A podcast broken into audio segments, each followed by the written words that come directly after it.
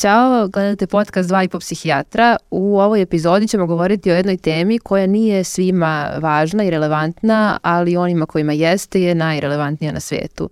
Reč je o e, osobama koje imaju neke vrste razvojnih smetnji i o njihovim porodicama, o potrebama i iskustvima ovih ljudi. Zbog toga je danas sa nama e, gošća, doktorka Vanja Mandić-Maravić, koja se između ostalog bavi e, lečenjem odraslih osoba sa razvojnim smetnjama.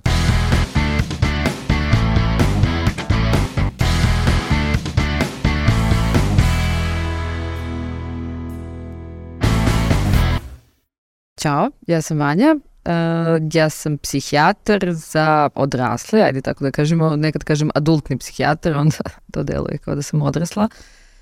Um, centralni, da kažemo, deo bavljanja psihijatrijom kod mene je uh, su psihotični poremeći, ali pored toga negde u zapravo od, od, od onda kad sam postala specijalista psihijatra se bavim neurorazvojnim poremećima kod odraslih, dominantno autizmom, ali i svim ostalim poremećima koji tu spadaju. Vanja, meni je jako drago da si ti danas sa nama i uh, ja bih prvo da se vratimo na sami početak, s obzirom da je ovo bila sanjina ideja da uopšte snimamo ovu epizodu, ja bih voleo da te pitam Sanja, odakle, odakle ti uopšte inspiracija da se bavimo ovom temom danas? Uh, hvala na pitanju. uh, ove jeseni smo radili jedno istraživanje kojim je upravo i rukovodila Vanja zajedno sa našom profesorkom Miricom Pejović Milovančević i to istraživanje je u stvari podrazumevalo da mi zovemo uh, porodice uh, pacijenata koji su u našoj bazi uh, koji imaju poremećaj iz spektra autizma da ih zovemo i da ih zamolimo da dođu kod nas u institut i da popune jedan upitnik o svojim iskustvima, svojim potrebama, kvalitetu života i slično. Čitavo to zvanje, komuniciranje, razgovaranje sa svojim ljudima na mene ostavilo ogroman utisak. Eh, bilo je tu raznih stvari. Ja prvo moram da budem, bila sam jako zahvalna uopšte što su se mnogi ljudi javili, odazvali podelili svoje iskustva sa nama, ali meni je glavni utisak bio da je njima jako, jako teško, da su oni jako E, premoreni, usamljeni, e, da nailaze prosto na prepreke, na zidove u raznim sferama svog funkcionisanja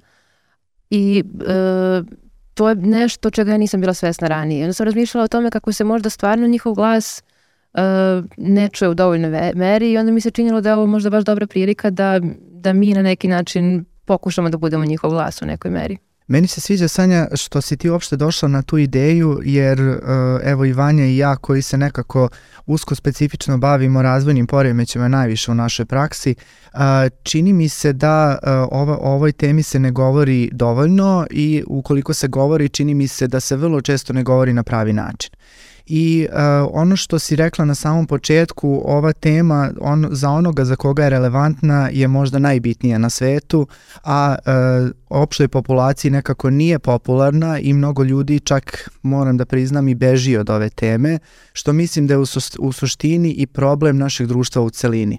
I zato, sam, zato mi je jako drago da ćemo u ovom našem podcastu nekako malo obraditi ovu temu iz različitih perspektiva, tako da bih ja pitao Vanju Kakav je njen, e, kakvo je njeno iskustvo u radu sa porodicama e, dece koje imaju probleme u razvoju?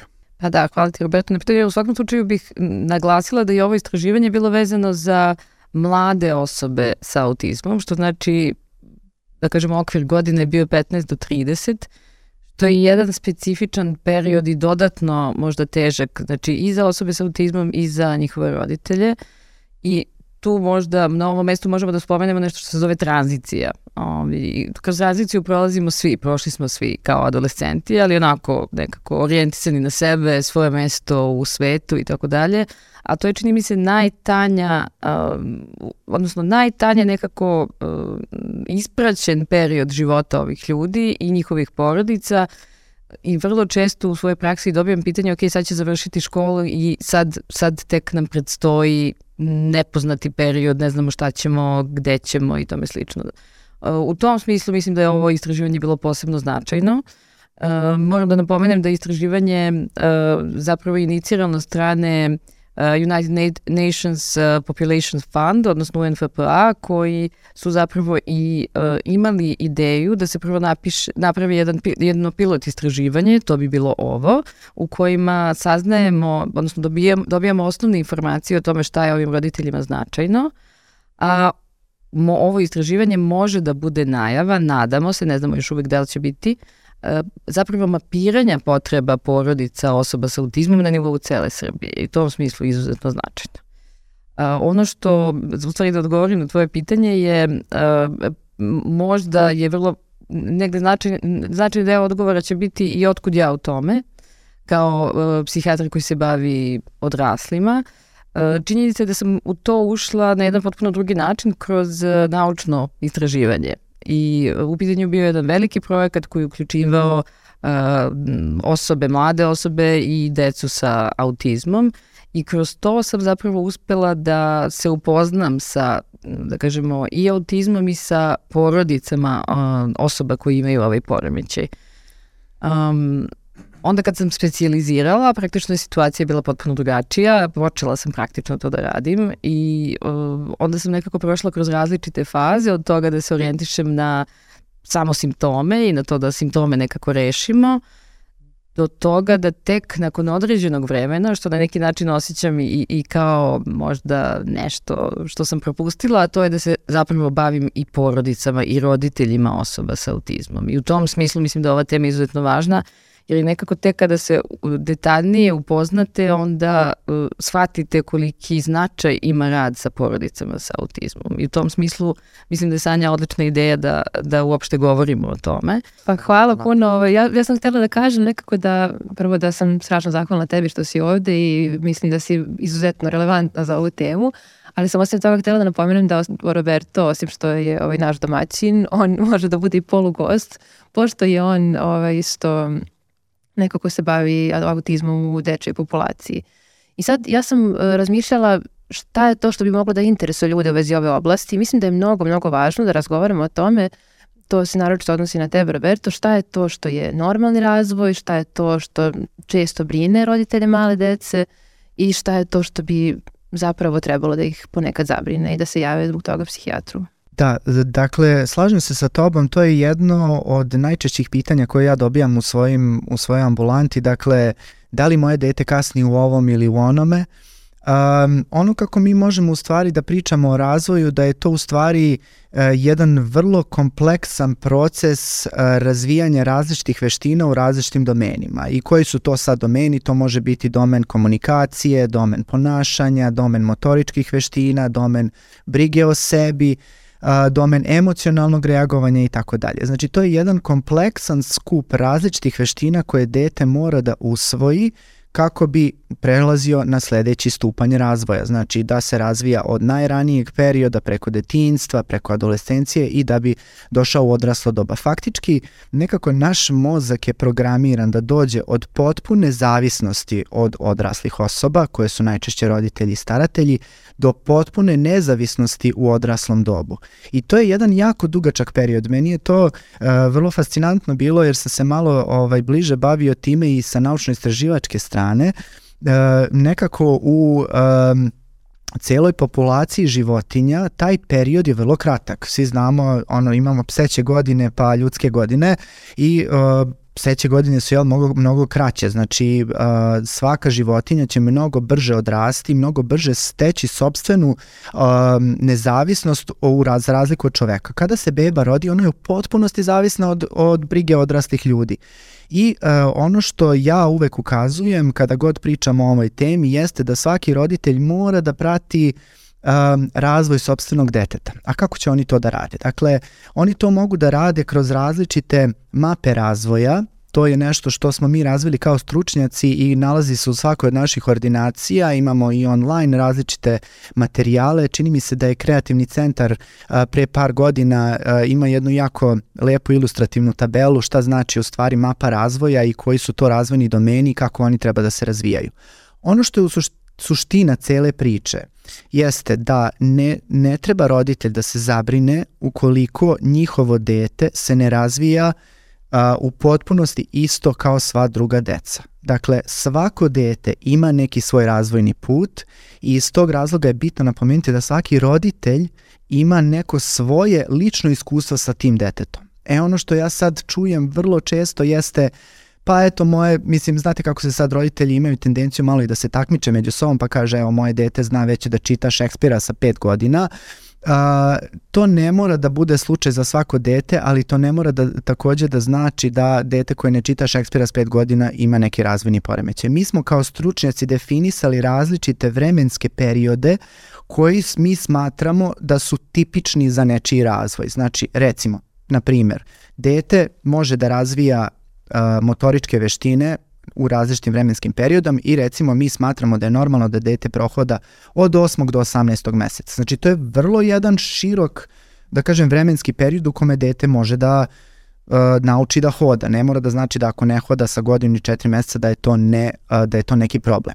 Tako da mi smo razvili te razvojne mape za koje i mislim da stvarno svaki roditelj treba da, da nekako blisko prati zašto je to bitno zato što je bitno da se primeti ukoliko postoji nešto što koči u razvoju da bi trebalo dodatno da se stimuliše i da bi trebalo da se obrati profesionalcima. A u razvojnim mapama nema Šekspira. Tako je. A šta se onda radi? Kada recimo roditelj ima neku sumnju i dođe, na primjer, kod tebe i kaže ti ja se bojim, ja se brinem, djete kasni, šta onda?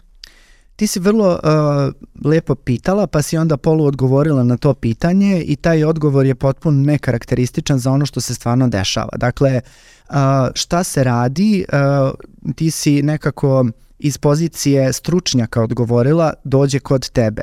Vrlo često se dešava da roditelji ne dođu kod e, medicinskog stručnjaka u početku, nego dođu kod uh, doktora Googlea ili dođu kod uh, nekog drugog roditelja koji ima slične probleme ili se informiše na nekoj društvenoj mreži i tako dalje najčešće ono što se dešava, ne mogu da kažem da je, da je u 100% slučajeva, ali ono što viđam jeste da smo da su stručnjaci vrlo često poslednja instanca nakon što je roditelj istražio svaki ovaj svaki iscrpeo nekako svaki drugi a, resurs podrške koji ima što ja naravno ne, ne osuđujem niti krivim svaki roditelj naravno ima pravo da odlučuje o, o svom detetu ali ono što je I ovo istraživanje pokazalo, mi smo, evo moram da naglasim, e, pre par godina mi smo izradili slično istraživanje i pokazali smo da roditelji koji su se prvo obratili lekarima, odnosno prvo obratili profesionalcima koji se bave decom, su kasnije bili zadovoljni svojim kvalitetom života i bili zadovoljni napretkom svoje dece. Tako da je a, to neki u stvari, kako mi kažemo, prediktor a, zadovoljenja u budućnosti. Osobe koje se prvo obrate stručnjaku svakako da će biti zadovoljnije kasnije, ali nažalost u našoj zemlji se to ne dešava najčešće. Da, između ostalog i, i, i u tom istraživanju je bilo zanimljivo da je e, negde oko 70% ljudi se za informacije obraćalo drugim roditeljima i dobijalo informacije isto tako sa interneta, tako da moramo da, da, da razmišljamo i o tome da će se neko možda prvo obratiti internetu zato što želi ili zato što je to nešto za čime će prvo uh, posegnuti, međutim um, moguće je da i nema dostupnu, da kažemo, službu na adek, najadekvatniji način da bi se prvo obratio nekome ko je stručan i od koga će dobiti jasne odgovore. Tako je, um, kad si, drago mi je što si to pomenula, zato što organizacija službe u dečjoj psihijatriji, u razvojnoj, um, razvojnoj pedijatriji psihijatriji generalno u stvari je ključna za dobijanje podrške i uh, to je ono sa čim mi malo kaskamo. Mi imamo veliku podršku najviših instanci vezano za rani razvoj i to se sve unapređuje, pogotovo u poslednjih, da kažem, deseta godina kada je priča o neurorazvoju vrlo, vrlo aktuelna međutim čini mi se da su ti koraci vrlo spori, a da su potrebe ogromne. I drago mi je što si to pomenula, jer baš u tom istraživanju je pokazano da veliki procenat roditelja mora da putuje preko 20 km da bi dobilo određeni vid podrške. Pazite, um, 20 km za nekoga ko živi uh, na, da kažem, rubu egzistencije uh, u nekom, u nekom, dakle u nekoj sredini koja nema, ovaj, gde ni ta podrška nije dovoljna, moramo da se zapitamo u stvari kroz šta ti roditelji u stvari prolaze. Jeste, istraživanje je bilo i rađeno praktično na na e, uzorku roditelja dece sa autizmom u Beogradu i u Nišu, da su, to, to, to su dva ogromna centra i u suštini, hajde da kažemo da su te geografske um, celine pokrivene, ali onda razmišljamo i o ostatku Srbije i upravo o tome što si rekao koliko zapravo moraju da pređu da bi uopšte došli do, do, do prvo možda i neke dijagnoze, a kasnije i do neke vrste redovnog rada sa tom decom. Meni je, moram da, da napomenem da Vanja je, da kažem, vrlo često i u ambulanti kažem svojim pacijentima koji napune 18 godina, ja imam sjajnu koleginicu koja se bavi ovaj upravo razvojnim poremećajima i da kažem da si ti jedan od redkih stručnjaka koji se bavi tim problemom i a, koji je nekako, a, koji se okuražio da zapravo se uzme, u, da, da stane u koštac sa takvim problemom, jer čini mi se da u našoj praksi nema mnogo interesovanja za upravo tu temu, pa mi a, zanimalo bi me da mi kažeš koja je to, a, da kažem, koja je to spektar dijagnoza ili spektar pacijenata sa kojim se ti najčešće susrećeš? Pa u ovom smislu uglavnom sa poremećima iz spektra autizma i u neku ruku i u kombinaciji ili izdvojeno eventualno sa nekom vrstom genetskih sindroma, Downov sindrom, Klinefelterov i tome slično. I činjenica jeste da jesam jedan od redkih od psihijatra za odrasle koji se time bave. Um, rekla bih samo da, da je zapravo iskustvo, na primjer, u našoj ustanovi dečih psihijatara bilo da, da decu sa autizmom i razvojnim poremećajima prate čak i do njihove 30. godine, iako su u pitanju deči psihijatri. Prosto to je bila njihova intimna, lična potreba da ih isprate, jer ih nekako znaju od detinstva i prosto to se na taj način premošćavalo. Samo na osnovu toga što neko ima, da kažemo, etičku, neku humanu odgovornost prema tim ljudima, E, tako da je moje bavljenje e, osobama sa autizmom u neku ruku, da kažemo, olakšalo e, pre svega i tim osobama i roditeljima, ali opet kako da kažem, jedna osoba ne može da reši problem, dakle neophodna je e, sistematska podrška za koju možemo da vidimo i iz našeg istraživanja između ostalog da izostaje za, za ove porodice. Ja bih samo se e, na trenutak osvrnuo na, na period tranzicije, jedan od najznačajnijih perioda čak i u, da kažem, tipičnom razvoju, gde osobe se i, i, i osobe koje imaju tipičan razvoj se bore sa raz, razno raznim problemima, međutim kada postoji razvojni poremeć ili kašnjenje u bilo kom domenu razvoja, to je nekako sve pomnoženo puta nekoliko stotina, ja bih rekao. Pa mi Sanja samo reci, da li ti uh, viđaš uh, klijente koji imaju poremećaj u razvoju i kako to uopšte izgleda na, u dnevnoj bolnici za adolescente gde ti kon konkretno sada trenutno i radiš? Pa moram da priznam da, da ove pacijente koji imaju teškoće u razvoju u ovom stepenu o kojem sada govorimo, generalno ne viđamo dnevne bolnice za adolescente. Dnevna bolnica pokriva više neke druge vrste simptoma. Uh, ali ono što, ovaj, u stvari, što mi je bila asocijacija dok si to pitao je bilo to da mi se čini da, kao što je Vanja rekla, te pacijente do njihove 18. godine prati njihov dečiji psihijatar u okviru dečije službe, a oni čekaju da napune 18 godina, čekajući zapravo uh, doktorku Vanju Mandić da bi ovaj, počeli da se prate kod nje. Tako da prosto u, u okviru instituta postoji, čini mi se, jedna vrsta ovaj, nepisanog protokola da, uh, da. kako se pratiti pacijenti. To jeste nepisano pravilo. Moram da kažem da i kolege sa iz dnevne malice za adolescencije takođe negde e, prihvataju, prihvataju osobe sa autizmom u tranziciji, neke isprate do 24. godine, ali uglavnom na kraju dolazi kod mene. Međutim, moram da naglasim da je moja uloga u životu tih ljudi i porodica ipak vrlo mala. Dakle, e, uglavnom ono što možemo da radimo i u vremenu koje imamo u, u našoj službi, ono je prilično kratko za jednog pacijenta kada radimo ambulantu, imam doživej da malo možemo da im pružimo. Prosto to je jedno kratko vreme u kome dobijamo um, određene informacije od roditelja, ali njihov život je negde drugde. Oni kada izađu iz naše ordinacije nastavljaju svoj život i mi ih ne pratimo, a taj život podrazumeva veliko pitanje ok, završio je školu, šta sada? I to je ono što ne tiče se samo naravno kupiranja simptoma koji se javljaju u smislu uznemirenosti ili nečeg sličnog, ali je pitanje prosto kako, kako se organizuje život osoba koji imaju neurorazvojni poremećaj.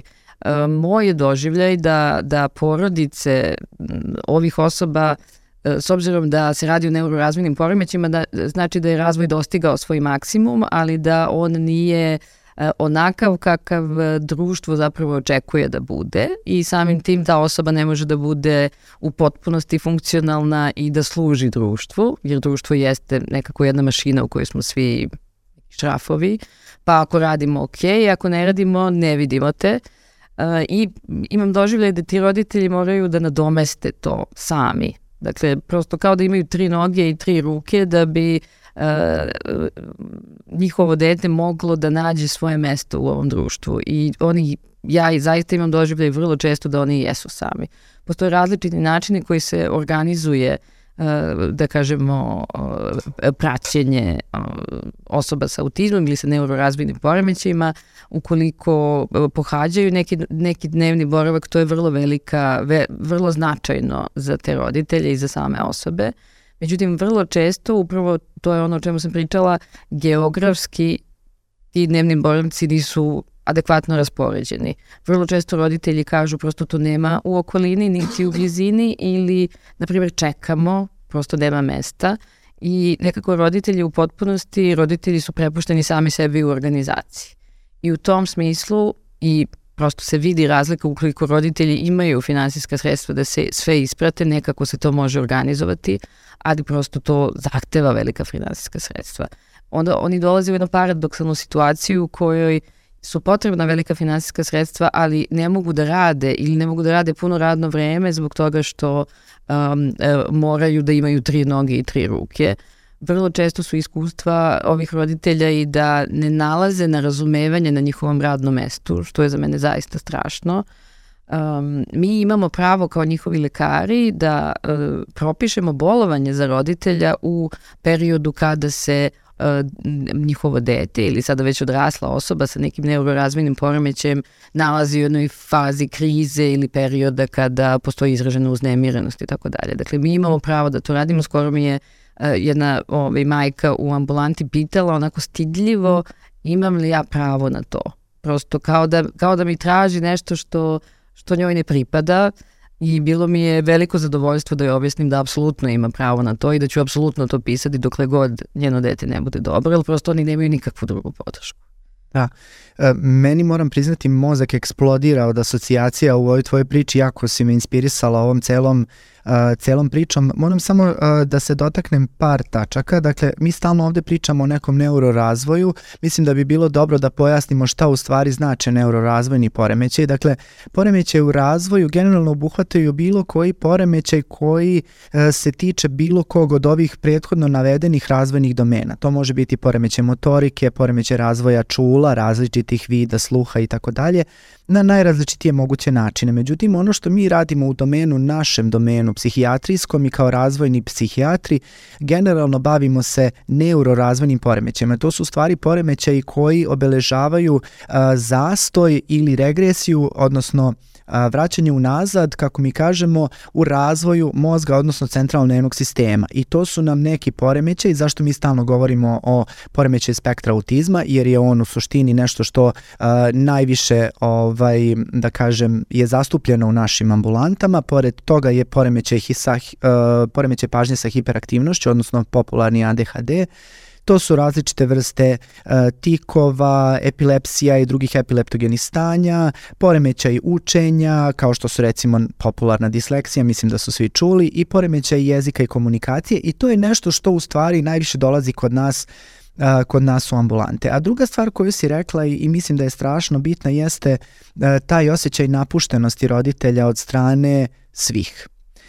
Ja bi se sada dotakao toga s obzirom da od kako radim sa decom sa poremećajem autizma nekako sve veću sve veći procenat mog vremena odlazi na rad sa roditeljima jer smatram da je to strašno bitno i za dete i za porodicu i za roditelje. I ja vrlo često kažem, um, kažem uh, roditeljima da su oni meni najjači saveznik, oni kod mene dolaze vrlo kratko, ali oni su meni najjači saveznik i ukoliko njihovo mentalno zdravlje nije kako treba, a vrlo često može da se desi da su pod ogromnim nivom stresa i iz toga da proiziđu mnoga, da, da kažem, drugi problemi. Uh, iz tog razloga uh, mislim da je strašno bitno da se bavimo njima, ali mislim, čini mi se da se ne bavimo dovoljno. Ne znam, Sanja, kako je tvoje mišljenje? Pa ja se sa tim slažem, s tim što ne, nisam sigurna da li je propust samo naš, verovatno da jeste i naš, ali pretpostavljam da propust postoji u okviru svake službe kojoj se ove porodice uopšte obrate i da to sve skupa čini uh, da to stvara jednu ogromnu frustraciju na svakom nivou. Uh, ja bih mnogo voljela da ti u stvari malo govoriš o uh, tome na koji način roditelji mogu da se osnaže. Ako već postoje frustracije u, razgovoru sa ustanovama, šta je to što se može pružiti roditeljima da bi se oni osnažili u ovim teškoćama? Ono što u stvari posledica uh, takve frustracije jeste takozvani medicinski model uh, ranih intervencija. Mislim da je to nekako ključna stvar. Uh, rane intervencije u stvari predstavljaju sve tehnike koje se sprovode um, z, uh, radi, radi lečenja deteta u najranijem periodu. Znači negde u periodu prečkolskog uzrasta, znači recimo od druge godine pa i možda i ranije do, do kad dete ne krene u školu. To smatramo ranom intervencijom. To je nekada izgledalo tako što dete odvedu kod stručnjaka, stručnjak recimo to je logoped, psiholog, pedagog i tako dalje. Stručnjak provede sat vremena sa njima, isključivo sa decom, isključivo sa decom, nekako roditelji su bili uh, ispred vrata, to je, tako se i čak i u literaturi pominju, to su ovi roditelji što sede ispred vrata, i uh, deca se odvode kući. I ono što je primećeno, pogotovo u poslednjih dve decenije, jeste da je to ogroman neiskorišćeni potencijal. Dakle, roditelj sa detetom provodi 23 sata i sat vremena tri puta nedeljno kod logopeda recimo ili defektologa. Ispred vrata ispred vrata, upravo, bez ikakvog osnaživanja. I onda se krenulo u neku drugu perspektivu, dakle, krenulo se u drugačiji model ranih intervencija koji se sada zovu porodično orijentisane radi, rane intervencije, gde se roditelji u potpunosti uključuju u tretman svoje dece. Ja ne mogu da kažem, i dalje postoje određeni stručnjaci koji se baziraju na to starom modelu, što ja ne podržavam, mislim da bismo svi trebali da idemo u korak sa vremenom, jel? Uh, sada u ovom trenutku postoji ogroman broj projekata, obuka stručnjaka i tako da bi se osnažili i stručnjaci kako da sprovode taj novi, da kažem, koncept ranih intervencija koji je orijentisan na porodicu. Šta to stvari znači? Porodica je u centru, a oko porodice su svi drugi stručnjaci i to se radi u razvojnim savetovalištima. Ja pretpostavljam da svaka osoba koja ima dete sa određenim vrstem poremeća u razvoju je čula da postoji razvojno savetovalište, jako mi je žao ako nije uh, i to je onda naš, takođe naš problem. Sa, ovaj, I tu bi u stvari trebalo da se formiraju timovi koji se tako, tako reći formiraju oko porodice Kao što je Vanja rekla, roditelji su ranije trebalo je da imaju tri ruke i tri noge i stvarno je tako. Oni su prikupljali različitu dokumentaciju, odlazili od jednog do drugog stručnjaka, odnosili razna dokumenta, tražili bolovanja, pokušavali da ovo finansijski sve to isprate. Nekako to se radilo i privatno i državno i to je diskomunikacija. Svaki nekako prirodno je da svaki stručnjak ima neko svoje mišljenje i tako dalje i tako dalje. Roditelji su bili na 150 strana.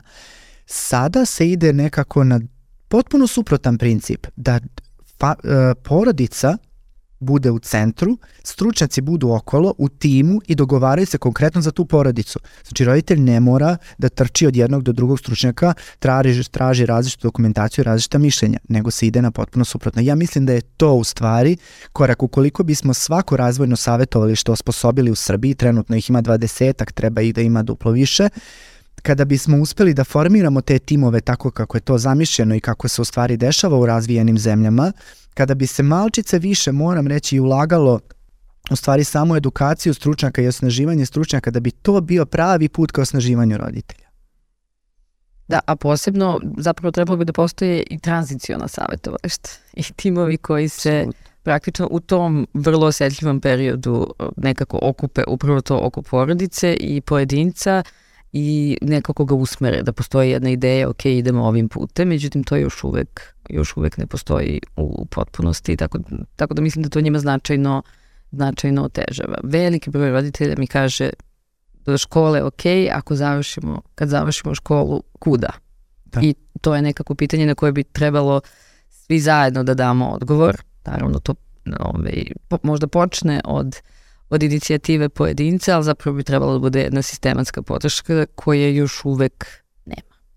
Ja sam imala jednu asocijaciju isto kad si pričao uh, kako se, kako se roditelji nalaze u jednoj specifičnoj porod, u jednoj specifičnoj situaciji i kada govorimo kada govoriš o tome da su oni najveći saveznici, to zaista i jeste tako. I prosto uh, uvek slušamo roditelje šta nam govore o, o, o detetu. Ali mislim da je to na neki način nije, ne mogu da kažem nije fair, oni se nalaze u toj situaciji, ali u situaciji, na primjer, kada dete nije dobro i kada moramo da propišemo lek. Uh, to je možda jedna od najspecifičnijih situacija u medicini gde jedna osoba govori i na osnovu toga druga osoba dobija terapiju. I prosto uh, mislim da je to nešto što, kako da kažem, jeste jedinstveno i uh, upravo iz tog razloga i vrlo često sam imala doživljaj da roditelji imaju osjećaj krivice kada govore o određenim problemima, da se žale na dete i da će dete zbog toga dobiti određeni lek, a lekovi utiču i na organizam i mogu i da oštete.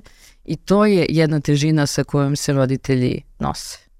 Drago mi je što si uh, pomenula te gobe roditelja. Ja nekako radeći sa, sa roditeljima sam došao na ideju da formiram takozvane grupe majki. Ja sad moram da se ogradim, to nisu uvek majke, ali smo i tako nazvali zato što su nekako majke najčešće uh, saradnici u lečenju dece na odeljenju i najčešće ih dovode u dispanzer i tako dalje.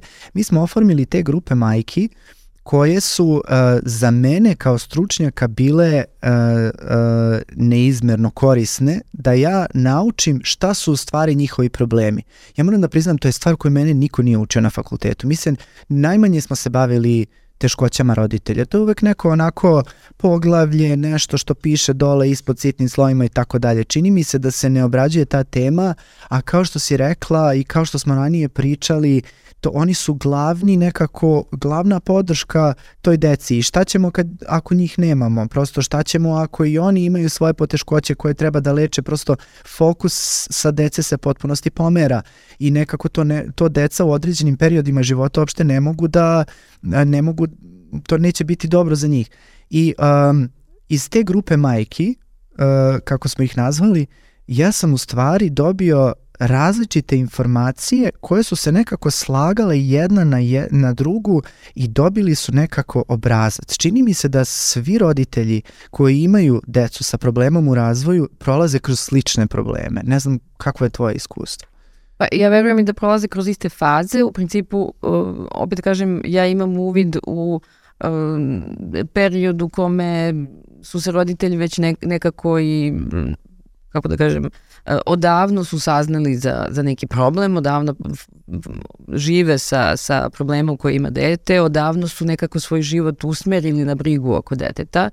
Imala sam isto tako asocijaciju, ali to možemo i malo kasnije, koja je vezana i za druge članove porodice, ne samo roditelje ove, osoba sa autizmom, već njihove braću ili sestre ili siblinge. Uh, fali nam reč u srpskom za siblinge. Da. imamo ove, šurnjaje i tako to, ali imamo silinge. Ove, prosto uh, različiti su načini na koji se ljudi snalaze. Prosto roditelji se razdvajaju. Znači oni se razdvajaju, nisu razvedeni, ali žive u odvojenim stambenim jedinicama gde, na primjer, majka živi sa, sa ove, detetom koji ima problem u razvoju, otac živi sa, sa drugim detetom. Znači to je isto nekako mi tek počinjemo i ja sam kroz svoju praksu zapravo tek počela da, da u većoj meri obraćam pažnju na roditelje i da e, popričam i sa njima kako su, koliko mi vreme to dozvoli naravno, ali ove, e, zapravo je potpuno veliko pitanje i znak pitanja šta je sa, šta je sa braćom i sestrama. Nemamo odgovor, tako? Da. da. Prosto da li neko ima iskustvo. Ove, a isto bih htjela da kažem možda iz pozicije uh, roditelja, sad to možda ima veze i sa mnom kao ličnošću, ali nekako od, od, od kada se rodi uh, dete naravno strepimo, ali uvijek je nekako i uz strepnju šta god da se desi, postoji jedna mala doza nekog osjećanja krivice, jer smo mi svi jer smo mi odgovorni za to dete i sad šta god da se desi da, i, i da ima i da nema veze s nama, postoji neko osjećanje krivice. I mislim da su ovo roditelji koji se nose sa tim od same ideje, svi znamo da su prve teorije za, za razvoj autizma bile da, da se radi o hladnim majkama, sećate se? Majke frižideri, da. To je naravno davno napušteno, ali prosto i da niko ne kaže to, moguće je da roditeljima svašta prolazi kroz glavu i ne znam, da li se nešto dešavalo u trudnoći ili da, da li su oni na neki način odgovorni.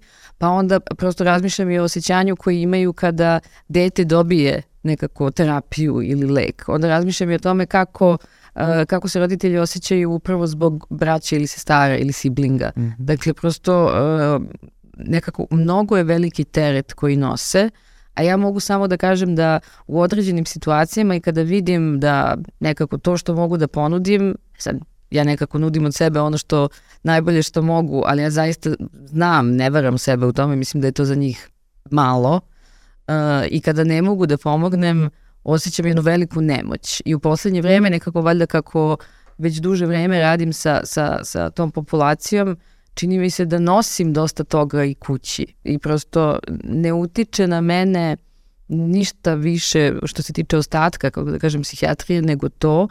I taj osjećaj nemoći je nešto što nosim sa sobom, a sigurna sam da je to možda, ne znam, bilioniti deo nemoći sa kojom se nose roditelji svakodnevno. I, prosto mislim da je to mnogo nekako jako teško.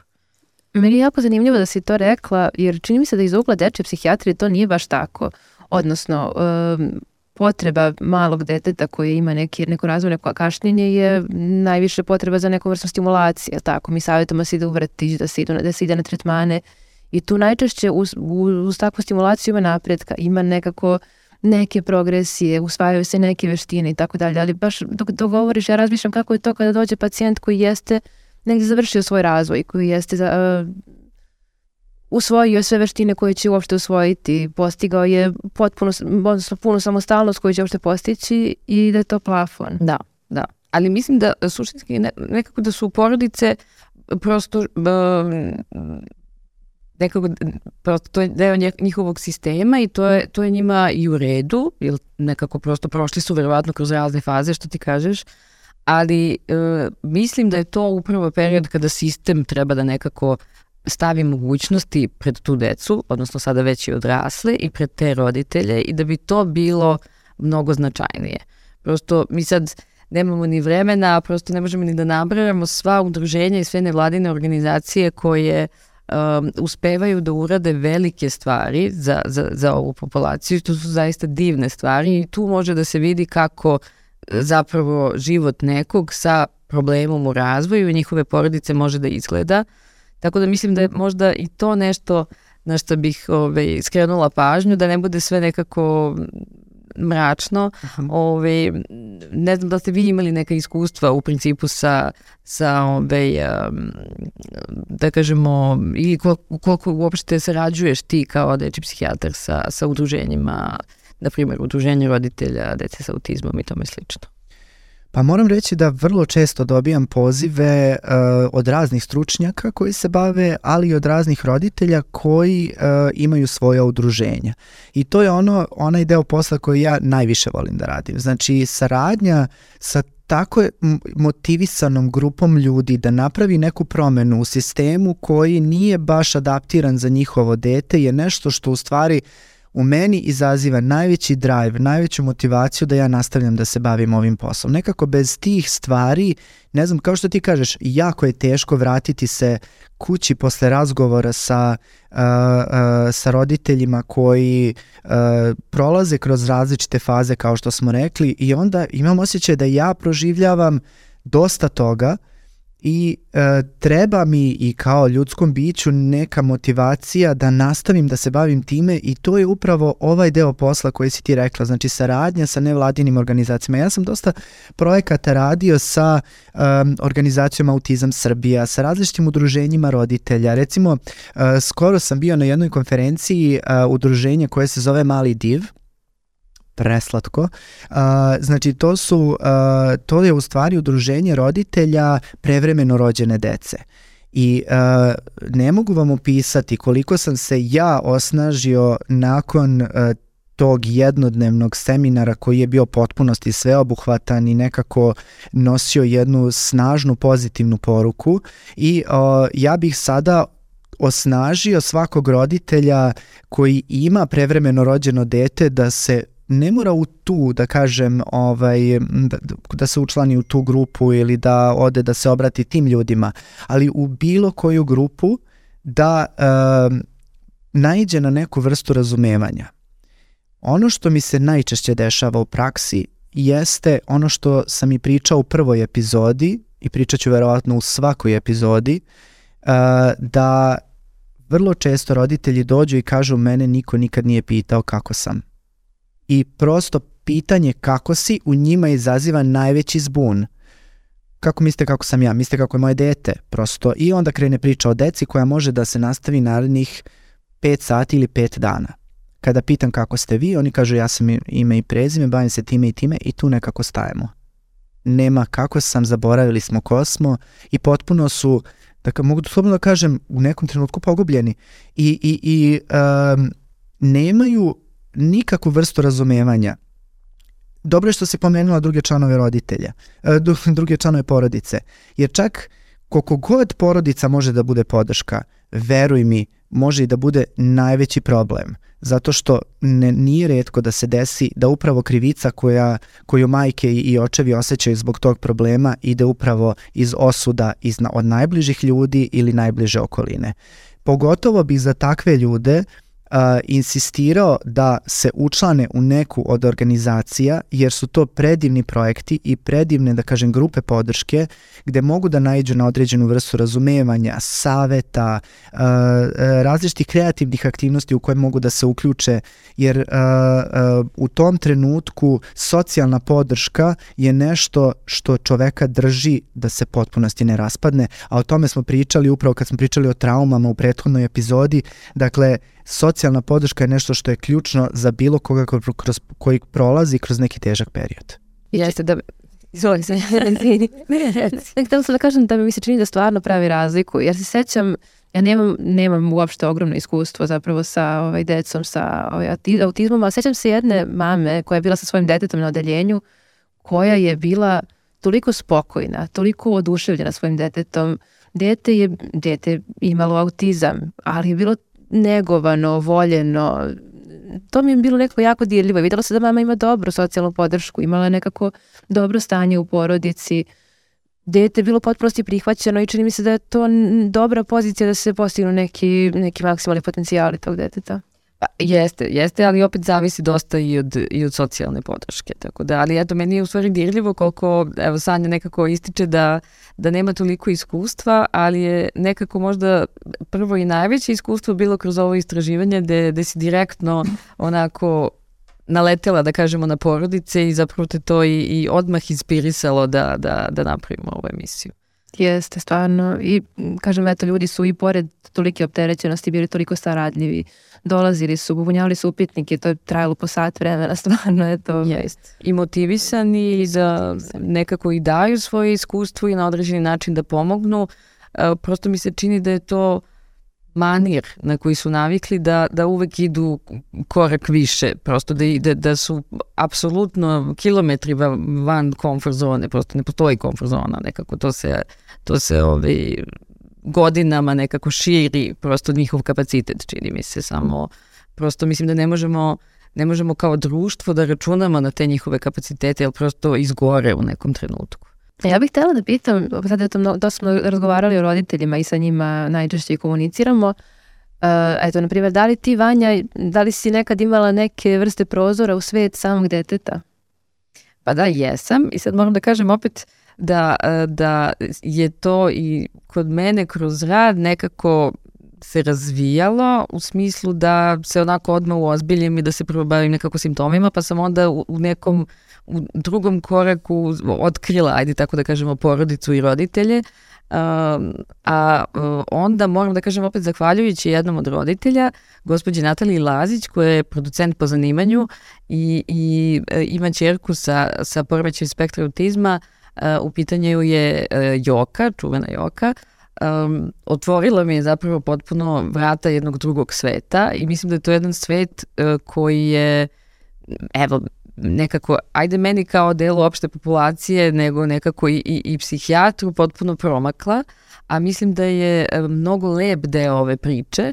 I sad pored toga što je lep deo priče nekako je i motivacija da znamo kako to može da izgleda, koliko to nekako dobro može da izgleda ako postoji nekako sistem a, i uh, moj prvi kontakt nekako sa, sa tim lepim delom je u stvari bio prisustvo koncertu uh, Jokinom, pošto je ona sopran peva i nekako to je bilo toliko dirljivo da, da me nekako, čini mi se na određeni način, sad je to kliše da kažem transformisalo, ali u tom smislu me jeste transformisalo i stvarno što ti kažeš otvorilo u potpunosti ovi, e, neka vrata.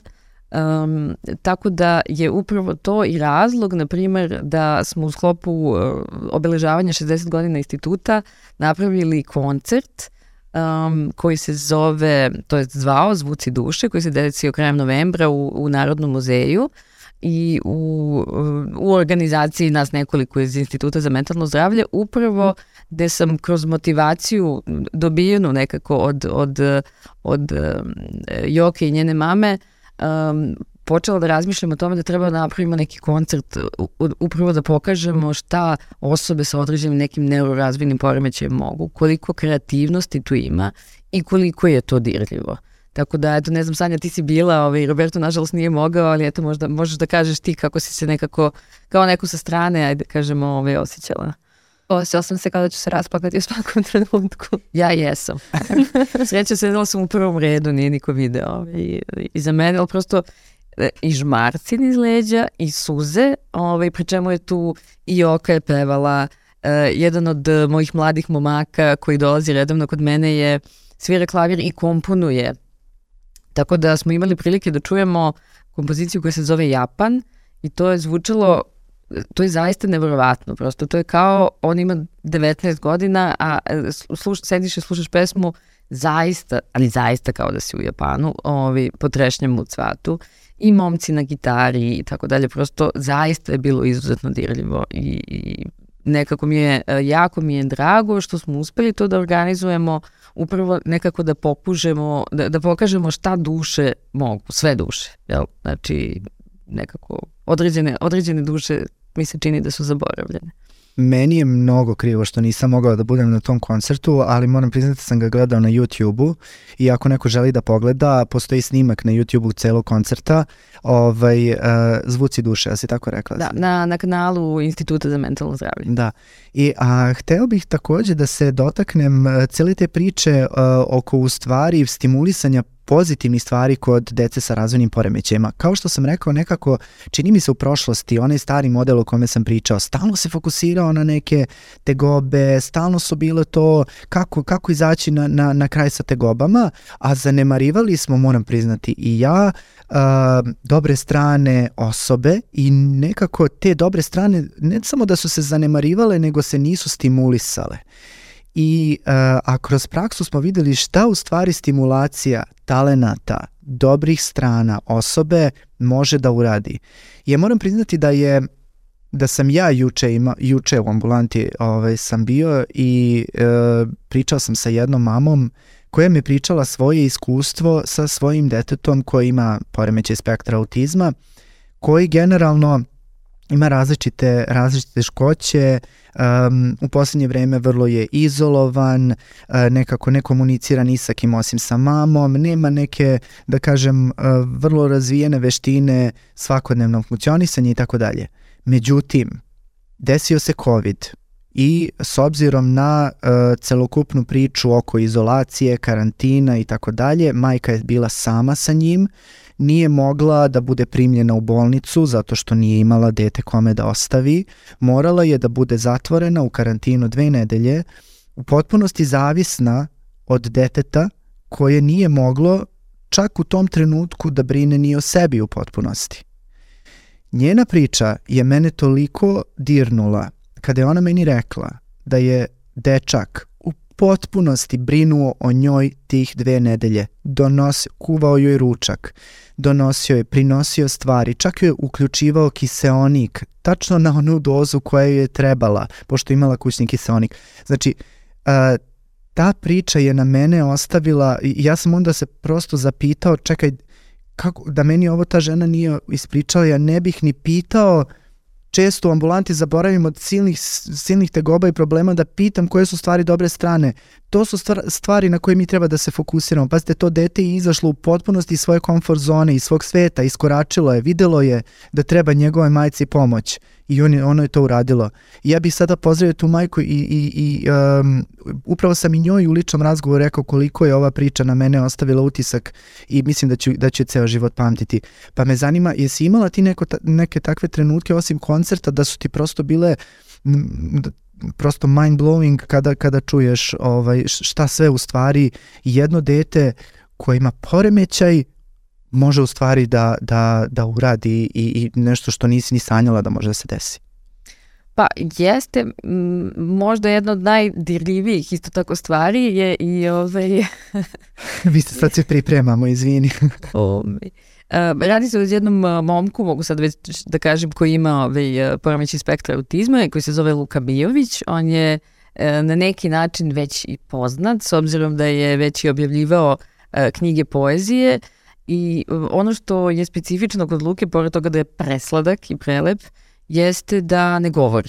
Dakle, nema razvijen govor. I u suštini um, u kontaktu sa mnom je uglavnom prisutan je, nekako vidi se da je tu i da čuje o čemu se radi, ali je nekako tu je po ordinaciji, uglavnom je vodim razgovor sa sa roditeljima i sad koliko god ja znala da on, na primjer, i zna engleski fenomenalno i da je izdao knjigu poezije, um, često ga zamolim prosto da mi napiše nešto uh, da bih znala kako se osjeća, prosto njegovim rečima.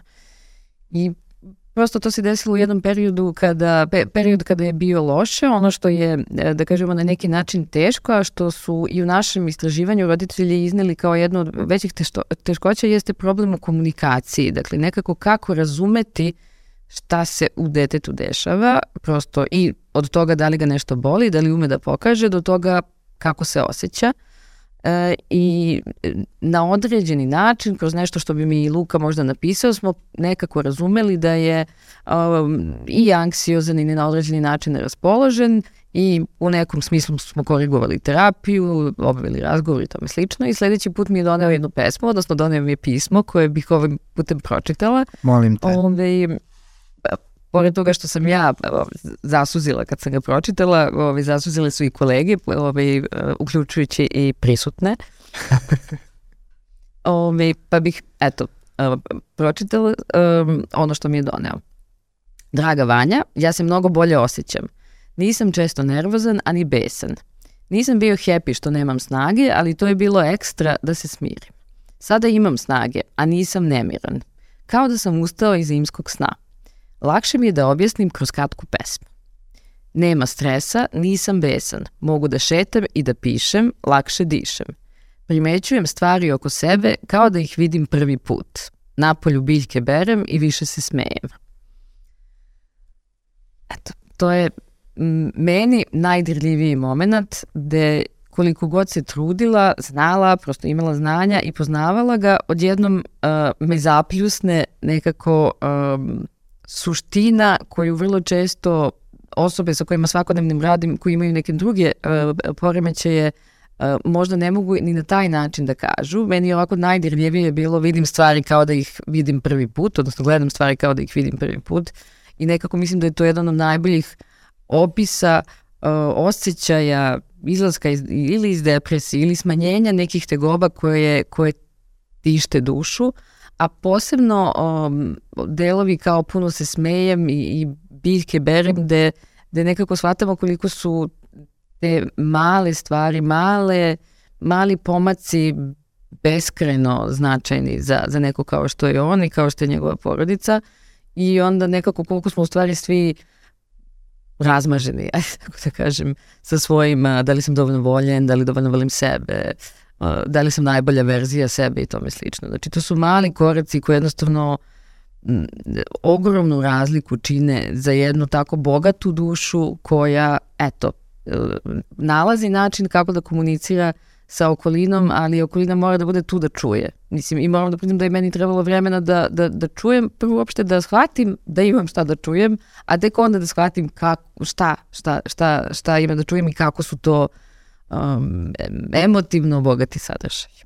Ja moram priznati da uh, Luka možda lakše diše, ja mnogo teško dišem sada, meni je strašno teško nakon ove pesme i nakon što sam je čuo prvi put i evo sada drugi put ovde, ali mi je jako drago i Vanja hvala ti mnogo što si ti nekako bila looking glass uh, u ovome svemu, jer uh, mislim da ove stvari uh, treba nadaleko i naširoko da se čuju i uh, stvarno hvala ti što si nam pročitala, ovo je stvarno bila velika inspiracija za mene.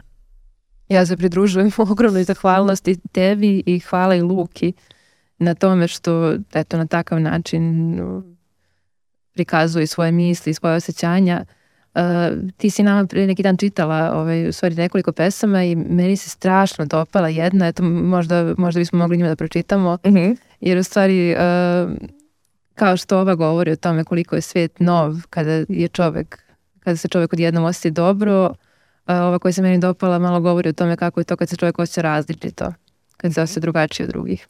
Hoćeš ti da počitaš? Kako ti kažeš? ajde, ajde ja. Često se kaže ustao sam na levu nogu. Čitav dan mi je okrenut na opačke, pitam se da li je tako za pse i mačke. Ne volim diskriminaciju, pa mi je žao noge leve. Zašto je okarakterisana tako, nije joj sigurno lako. Desna je uvek u prvom planu, o njoj se loše ne priča, a ne bi mogla sama, potrebna je i ova druga i eto začaranog kruga.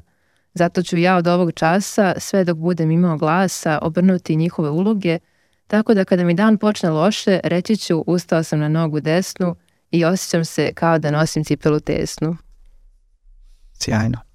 Pravda za, za levu nogu. Pravda za levu nogu. Hvala Luki koji nam je ukazao na, na bitnost, uh, u stvari, obe noge. Da. Moram I... samo da, da, možete mi dodaš, moram samo da pokažemo ovaj knjigu, dakle Luka Mijović, knjiga Biti drugačiji, kogod je zainteresovan, vidite da ima prelepih pesama, mi bismo vam onako iz sveg srca preporučili ovaj, da, da pročitate jer je na nas ostavila veliki utisak. Da, ja bih samo ovde dodala da je uh, prosto između ostalog vrlo uh, dirljivo, a i efikasno kako se uh, roditelji zapravo međusobno udružuju i kako uspevaju zajedničkim snagama da postignu jako puno toga.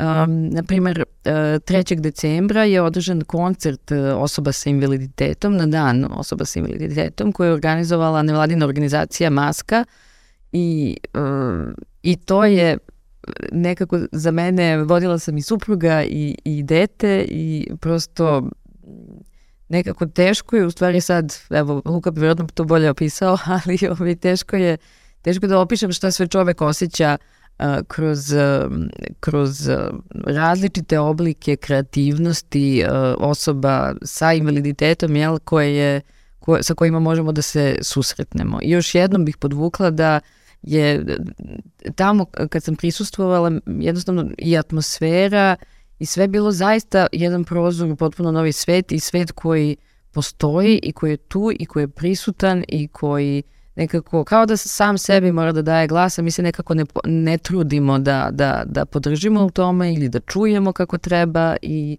ove, to je nešto što bih voljela da se, da se promeni.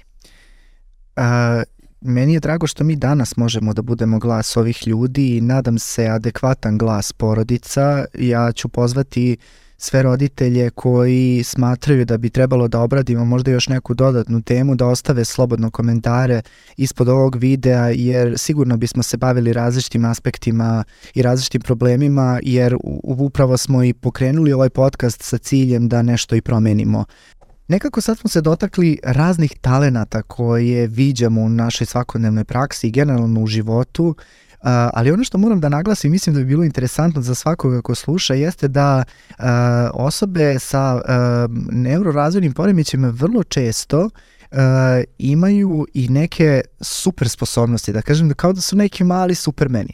I uh, često, uh, često mi roditelji prijavljuju kako njihova deca imaju uh, uh, neke, da kažem, uh, potpuno neverovatne, uh, ne, da kažem, neverovatne osobine. Dakle, ono što sam ja video u praksi jeste došlo mi jedno dete i kaže, čao Roberto, Uh, onako potpuno neposredno i ja kažem ćao i on mene pita uh, kada si rođen i ja njemu kažem kada sam rođen i on meni kaže to je bio četvrtak. Čekajte, znači meni je trebalo 15 minuta da uđem u kalendar, da nađem tu godinu, to, taj dan i stvarno je taj dan bio četvrtak. Ja sam bio fasciniran. Onda sam naravno, malo smo se igrali s tim i onda kao pa dobro, ka, koji je dan bio 65. 15. februar i on kaže to je bio taj dan.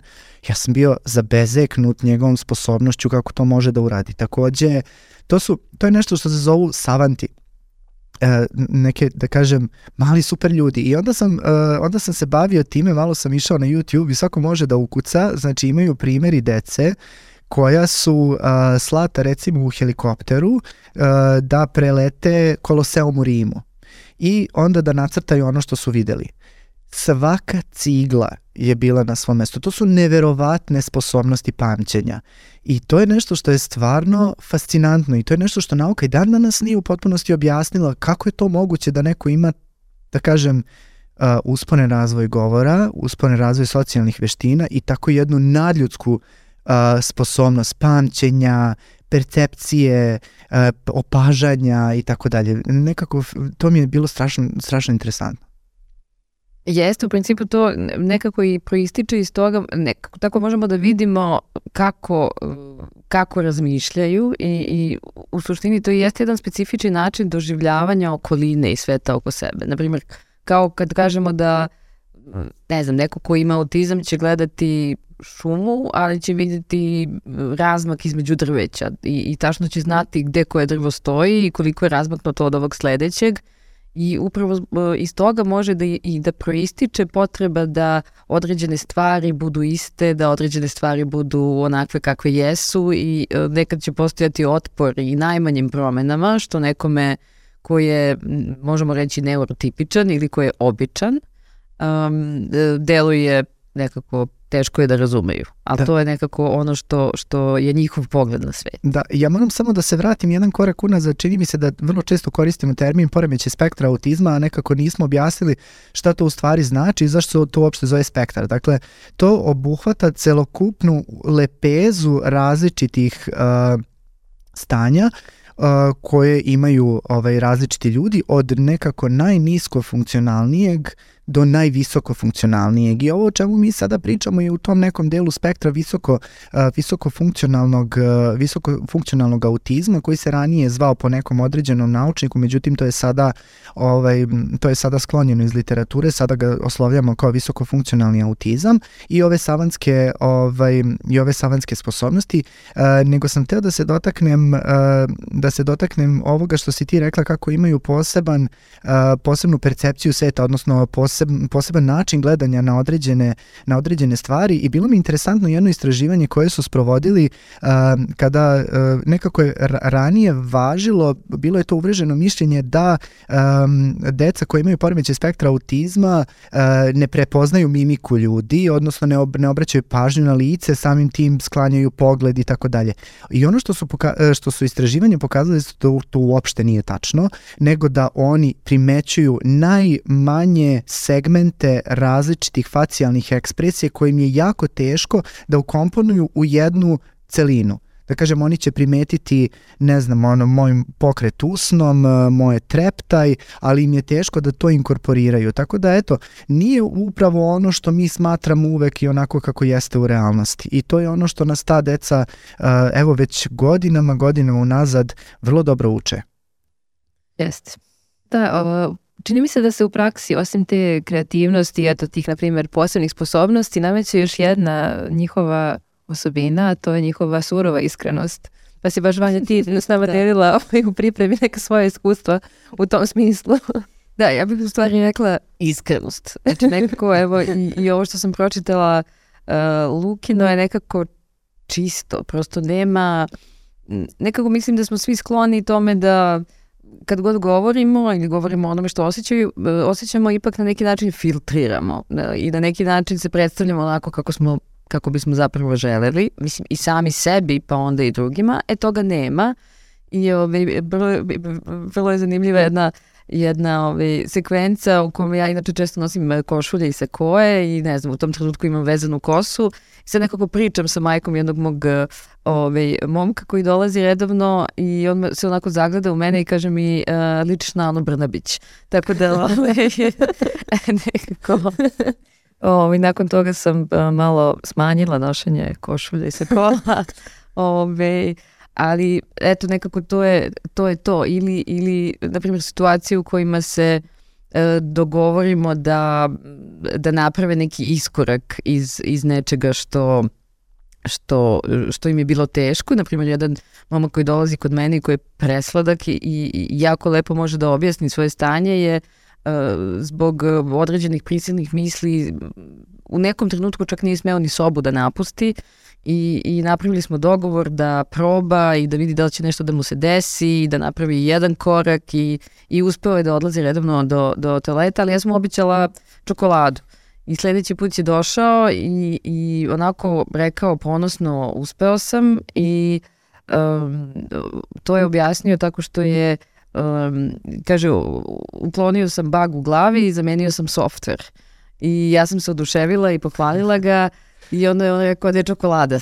tako da, ove, i sva sreća imala sam, tako da smo ove, nekako, to je to. Mislim, nema, nema nikakvog, apsolutno nikakvog pretvaranja, jer mislim mi u međusobnoj komunikaciji možemo da se pretvaramo, da se ne pretvaramo, ali pretvaramo se. I ta nekako čistina, čistoća, kako već e, je najbolje reći, je nešto što je iskrenost, je nešto što je zaista oplemenjuje, oplemenjuje, mogu tako da kažem. Mene svaki put moram priznati malo dirne e, činjenica da ih ti ostavljavaš sa mojim momci, uh, moja deca, koja, to, koja nisi rekla moja deca, ali momci, mo, jedan momak koji dolazi kod mene, nekako mi govori u prilog tome da ti stvarno mnogo radiš sa njima i dugo radiš sa njima i nekako postanete uh, kao neka vrsta porodice u nekom momentu.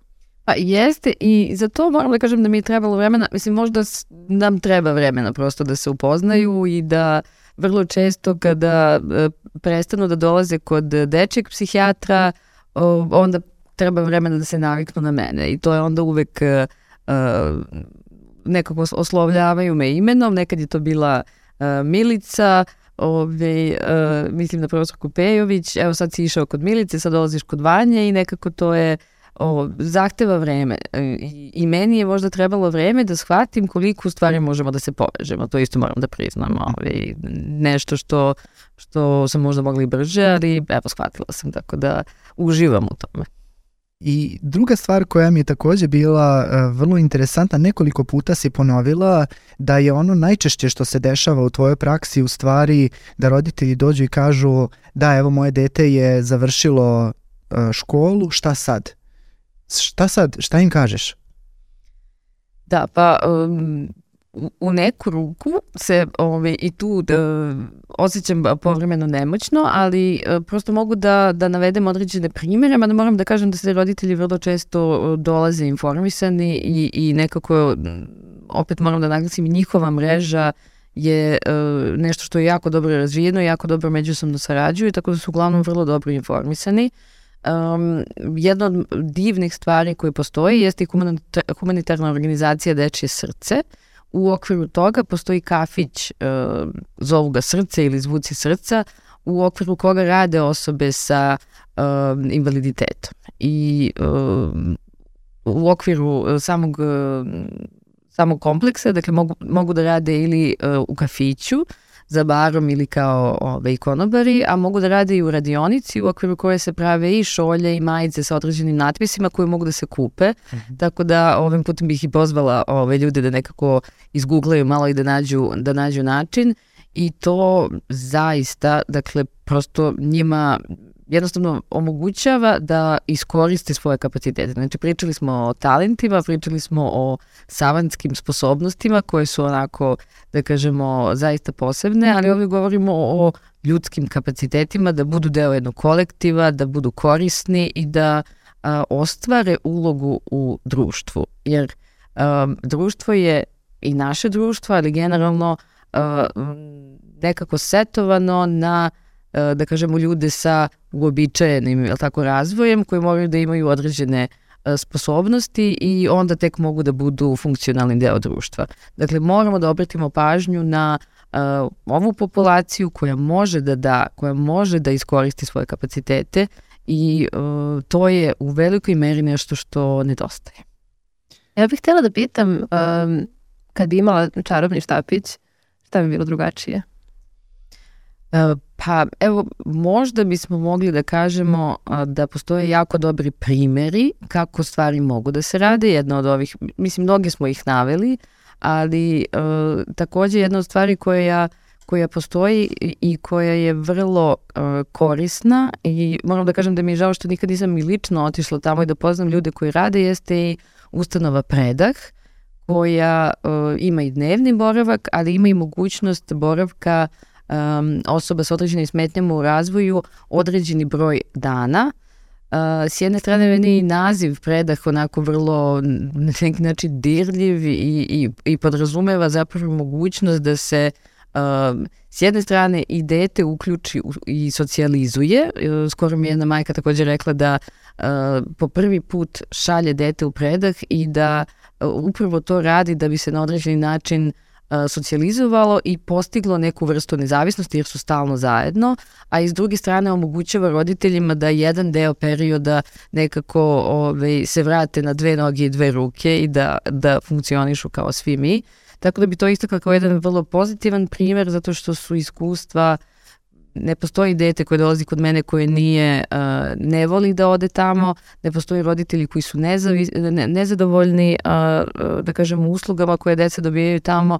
I ako bih imala već čarobni štapić kao što ti uh, kažeš, mislim da nam je da postoje ljudi koji su sposobni, uh, postoje ljudi koji su zainteresovani uh, i da uh, je neophodno da o, ovakvi centri i ovakva mesta postoje multiplicirano i da je neophodno da postoji jedan uh, sistematska, kako da kažem, sistematski napravljena mapa gde su, gde je neophodno postaviti takve, kako da kažem, punktove ili službe, a to za sada nemamo. Znači, sistem koji, da kažemo, omogućava ovoj deci da, da iskažu svoje kapacitete, sistem koji uh, podržava ove porodice ne postoji. I dalje je to na nivou, kako da kažem, i ustanova predak bi mogla da funkcioniše na mnogo lošijem nivou, ali funkcioniše tako funkcioniše zahvaljujući pojedincima. Ja sam sigurna da pojedinci postoje, ali posebno su, potrebna su sredstva. Prosto to su stvari koje moraju da se održavaju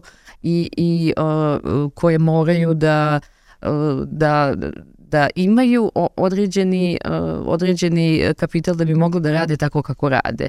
Čini mi se da postoje ljudi koji su vrlo zainteresovani da rade vrlo kvalitetan posao, ali da jednostavno nema dovoljno sredstava i uvek će uh, E, dete e, za čije roditelje e, znam, odnosno mogu da pretpostavim da imaju sredstva da se snađu, zapravo biti mnogo bolje zaštićeno nego roditelji koji nemaju, ali u velikom broju slučajeva nemaju, jer zapravo radi se o jako velikim sredstvima koje su neophodne da se obezbede da bi dete ispunilo svoje kapacitete, da bi razvilo svoje kapacitete, da bi moglo da funkcioniše na svakodnevnom nivou i to je, to je ono što bih možda ove, ovaj, volela da naglasim i ako bi imala čarobni štapić, volela bi da u tom smislu svi roditelji budu jednaki, odnosno sve te porodice budu jednaki, imaju jednake mogućnosti per se, što bi se reklo. Jednostavno jednake mogućnosti su tu, iskoristite ih, to je ono što uh, imate.